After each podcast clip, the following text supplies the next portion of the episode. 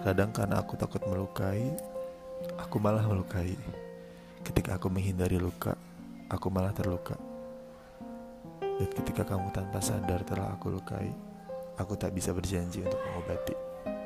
Sebab jelas, aku takut dengan janji ketika ada kemungkinan untuk aku bisa mengingkari. thank you